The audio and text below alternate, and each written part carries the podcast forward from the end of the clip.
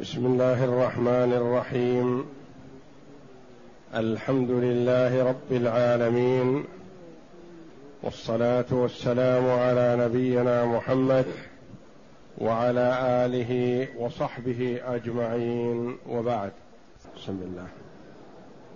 أعوذ بالله من الشيطان الرجيم. إن الله يحب الذين يقاتلون في سبيله صفا كأنهم بنيان مرصوص. هذه الآية الكريمة من سورة الصف. جاءت بعد قوله تعالى يا أيها الذين آمنوا لم تقولون ما لا تفعلون؟ كبر مقتا عند الله أن تقولوا ما لا تفعلون. إن الله يحب الذين يقاتلون في سبيله صفا كأنهم بنيان مرصوص. تقدم لنا الكلام على أول هذه السورة وأن الصحابة رضي الله عنهم اجتمع بعضهم فتذاكروا أيكم يسأل رسول الله صلى الله عليه وسلم عن أحب العمل إلى الله من أجل أن يفعلوه. فاستحيوا ولم يتقدم أحد بسؤال النبي صلى الله عليه وسلم. فعلم الله جل وعلا بما قالوا فأنزل على رسوله صلى الله عليه وسلم هذه السورة. فأرسل الله جل وعلا إليهم من رسوله صلى الله عليه وسلم فناداهم فلانا فلانا فلانا فلما اجتمعوا تلا عليهم هذه السورة الكريمة. وفي هذه الآية الكريمة يبين الله جل وعلا إن الله يحب الذين يقاتلون في سبيله. يقاتلون في سبيل الله. الله يحبهم. اولا في هذه الآية الكريمة إثبات صفة المحبة. وأن الله يحب من اتصف بصفات يرضى عنها.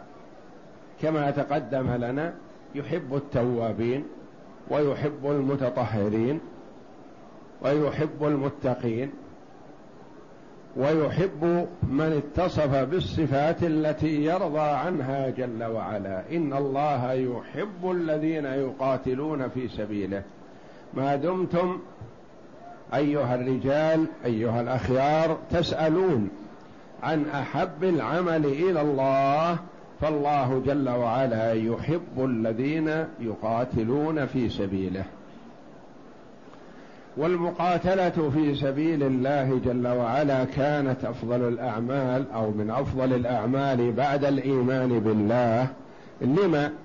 لأن المرء يبذل نفسه يعرض نفسه للقتل لأجل إرضاء الله جل وعلا لإدخال الناس في دين الله فهو يخاطر بنفسه من أجل دين الله جل وعلا ويبذل ماله فهو يجود بأغلى ما يملك. والصحابة رضي الله عنهم يسألون النبي صلى الله عليه وسلم عن أحب الأعمال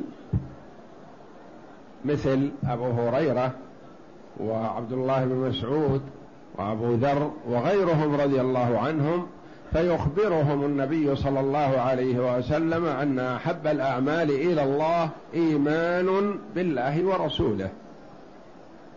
فالإيمان بالله هو أهم شيء وهو رأس المال وهو أعظم شيء كلف به العبد.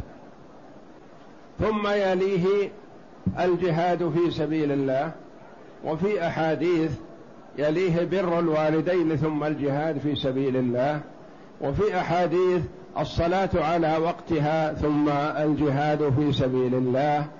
فالنبي صلى الله عليه وسلم ينظر لحال السائل فيعطيه على قدره. فإذا كان يرى فيه الجهاد يحثه على الجهاد صلوات الله وسلامه عليه. وإذا كان عنده والدان يحثه على بر الوالدين.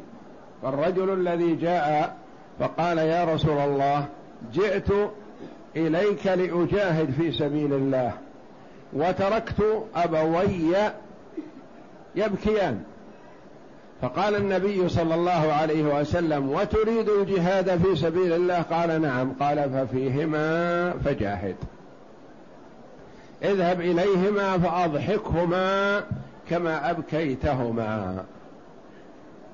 فهو عليه الصلاة والسلام يعطي كل سائل ما يناسبه. إن الله يحب الذين يقاتلون في سبيله. يقاتلون لا لحمية ولا لعربية ولا لنخوة ولا لعصبية وإنما يقاتلون في سبيل الله يقاتلون لإعلاء كلمة الله. من قاتل لتكون كلمة الله هي العليا فهو في سبيل الله. لما سئل صلى الله عليه وسلم الرجل يقاتل حمية والرجل يقاتل شجاعة والرجل يقاتل ليرى مكانه أي ذلك في سبيل الله؟ قال عليه الصلاة والسلام من قاتل لتكون كلمة الله هي العليا فهو في سبيل الله وما لا فلا. من قاتل لعصبية أو لنخوة أو لحمية أو لأجل مواطنة مواطن أو نحو ذلك فلا فائدة من قتاله هذا حين ولا يستفيد شيئا. وإنما يستفيد إذا قاتل لتكون كلمة الله هي العليا. إن الله يحب الذين يقاتلون في سبيله صفا يقاتلون في سبيله صفا. ولهذا استحب بعض العلماء رحمهم الله القتال بالصفوف على الأقدام. قال القتال بالصف أفضل من القتال على الخيل. يعني يكون صفا واحدا كانهم صفوف في الصلاة.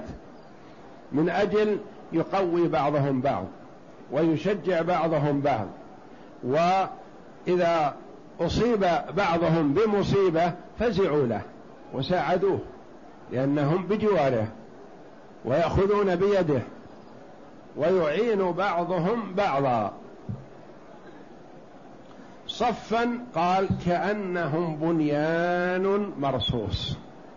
البنيان المرصوص إذا اختل شيء منه اختل كله وإنما الرجل يحب أن يضبط بنيانه برص بعضه إلى بعض. فكذلك الرجال ما يكون الرجل بينه وبين صاحبه فرجة في القتال يكون يرصه حتى يقويه. يكون فيها شيء من القوة كأنهم بنيان مرصوص. والرص فيه قوة والراء والصاد مكررة أو غير مكررة تفيد القوة كذلك مثل الرصاص. رصاص ورص. وما أدى هذه المادة يفهم منه التقوية. كأنهم بنيان مرصوص يعني يرص بعضه بعضا فهم يصيرون في صف القتال كأنهم في صف الصلاة. كأنهم بنيان مرصوص أي مرصوص بعضه على بعض.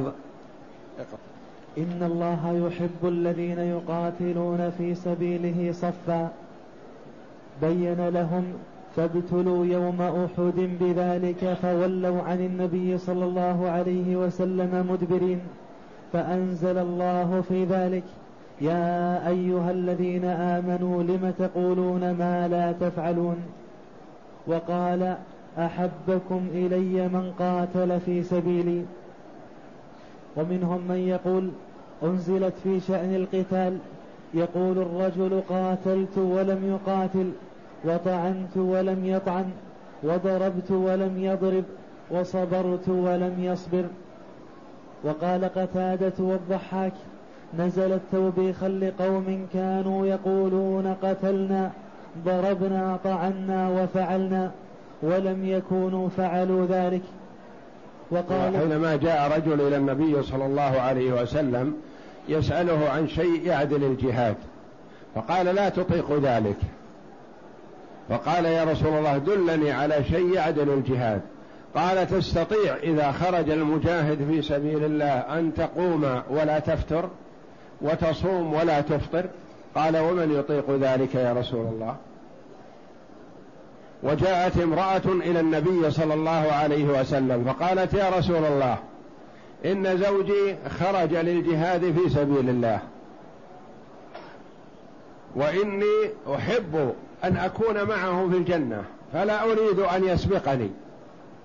يكون له منزلة عالية وأكون دونه أريد أن أكون معه في الجنة. فدلني على شيء يقابل ويماثل الجهاد في سبيل الله.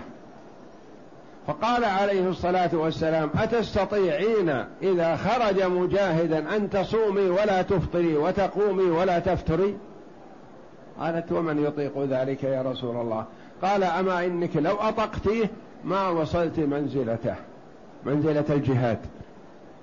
ولكن الله جل وعلا من لطفه بعباده أن الرجل من العباد إذا كان في منزلة وكان ذووه أقل منه منزلة فالله جل وعلا يرفع له ذويه من أجل أن تقر أعينهم جميعا باجتماع بعضهم مع بعض كما قال الله تعالى والذين آمنوا واتبعتهم ذريتهم بإيمان ألحقنا بهم ذريتهم. وكما ورد أن زوجات النبي صلى الله عليه وسلم أمهات المؤمنين معه في الجنة وهن وجميع الخلق دون منزلته صلى الله عليه وسلم لكن الله جل وعلا يجعلهن معه. فكذلك المرأة المؤمنة المتقية لله جل وعلا القائمة بحق الله إذا اتقت الله جل وعلا وأرضت زوجها وحافظت على فرائض ربها وحفظت نفسها مما حرم الله عليها كانت مع زوجها في الجنة. كما ورد في الحديث أن عائشة رضي الله عنها سألت الرسول صلى الله عليه وسلم فقالت يا رسول الله المرأة تتزوج أكثر من زوج في الدنيا وتدخل معهم الجنة. كلهم يدخلون الجنة فتكون مع من؟ قال يا عائشة تكون مع أحسنهم خلقا. يا عائشة حسن الخلق ذهب بخيري الدنيا والآخرة. فالله جل وعلا في هذه الآية الكريمة يحث ويأمر بالجهاد في سبيل الله كما ورد آيات كثيرة في الحث على الجهاد في سبيل الله في قوله تعالى يا أيها الذين آمنوا هل أدلكم على تجارة تنجيكم من عذاب أليم؟ تؤمنون بالله ورسوله وتجاهدون في سبيل الله بأموالكم وأنفسكم. والآيات في هذا كثيرة وكذلك الأحاديث التي تحث على الجهاد في سبيل الله وتبين عظم منزلته عند الله جل وعلا. وذلك أن به قوام الإسلام وبه إظهار كلمة الله وإعلاء دين الإسلام وفيه نفع للناس نفع عظيم. حتى لو قاتلت الرجل وشهرت عليه السلاح أنت تريد نفعه. تريد أن يدخل في الدين ما تريد أن تقتله. إذا دخل في الدين فهو أخوك. تحافظ عليه كما تحافظ على أخيك وعلى ابنك. لكن ما دام كافرا فأنت تشهر عليه السلاح لعله يشهد أن لا إله إلا الله وأن محمد رسول الله فتتركه وتصاحبه بدل ما تقتله. فأحب الخلق إلى الله جل وعلا أنفعهم للخلق ومن أنفع الخلق للخلق المجاهدون في سبيل الله الذين يخرجون لإعلاء كلمة الله لدعوة الناس وترغيبهم في الدخول في دين الله جل وعلا.